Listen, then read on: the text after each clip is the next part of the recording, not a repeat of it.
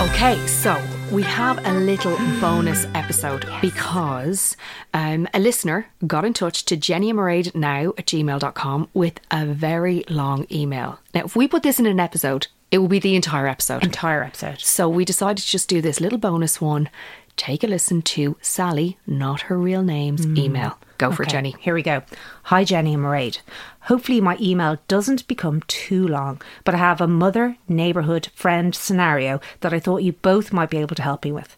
It involves living on a road where there are young families, but how the whole neighbour boundaries thing has hit a bit of a grey spot. Mm. I have two young kids. There are a few other families with varying numbers of children. They all live on the road. When the children were very small, we all got along very well, and that was lovely. The other children living around us came and went quite a bit, but they were always treated with care and respect. I was working full time, but since then I have changed jobs because I needed to be at home more. Childcare became a bit of a nightmare, and together, myself and my husband decided that I would take a step back from my career and be the one at home. One family living on the road started ramping up the amount of time they spent in my house. As time went on, I started to feel a little overwhelmed by always having them in the house.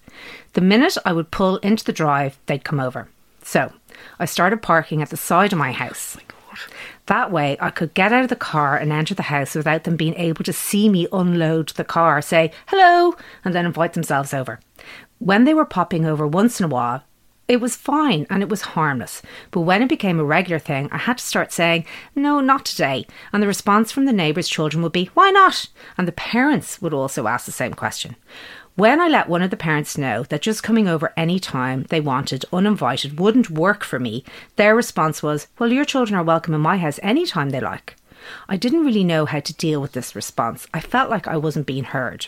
When I used straight talk and explained exactly how I felt, I was firm, but I was also polite. The parent did not react well. They seemed highly offended that I wouldn't want her darlings in my house morning, noon, and night.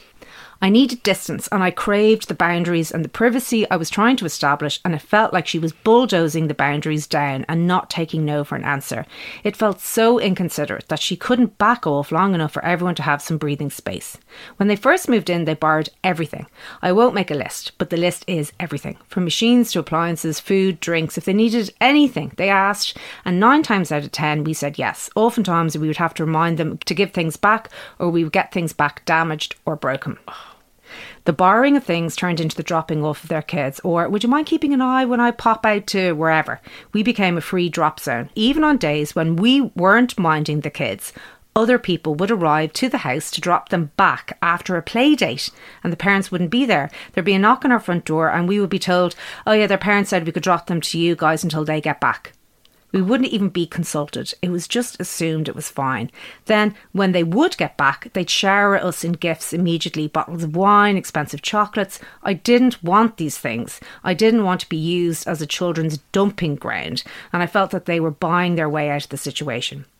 Now, if we step outside the house to do anything, anything, they're over. So, in a last ditch attempt to get some boundaries, I started avoiding them. I spent an entire summer holiday leaving the house for the entire day. Oh my God. I am not sure what I am asking your advice for at this point. I suppose I'm wondering if the situation is beyond repair or if I was just being used the entire time and this person has absolutely no regard for how their actions affects others. I sometimes wonder whether I'm angry at the parents for being inconsiderate or I'm angry at myself for being such a mug and being used the way I was. My other half tells me that it took me a while to get the hang of saying no, but that it took a lot out of me when I did say no.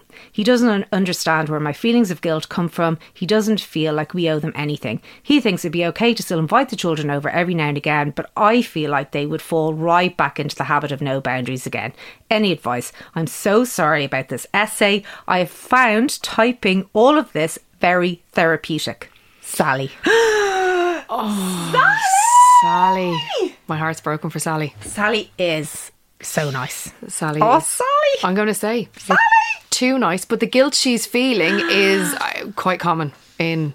I think it's quite common in women to feel that guilt. But I, would love to hear before I give my opinion, Yes. I would love to hear what our listeners think. So Yes, please get in touch with us. Either email Jenny Mairead now at gmail.com or you can get in touch with myself and Jenny on Instagram. I'm at Coco Mairead. Jenny's at Jenny Kelly, 1972. There you go. We would love to hear what your advice is to Sally. Jenny and Mairead now at gmail.com.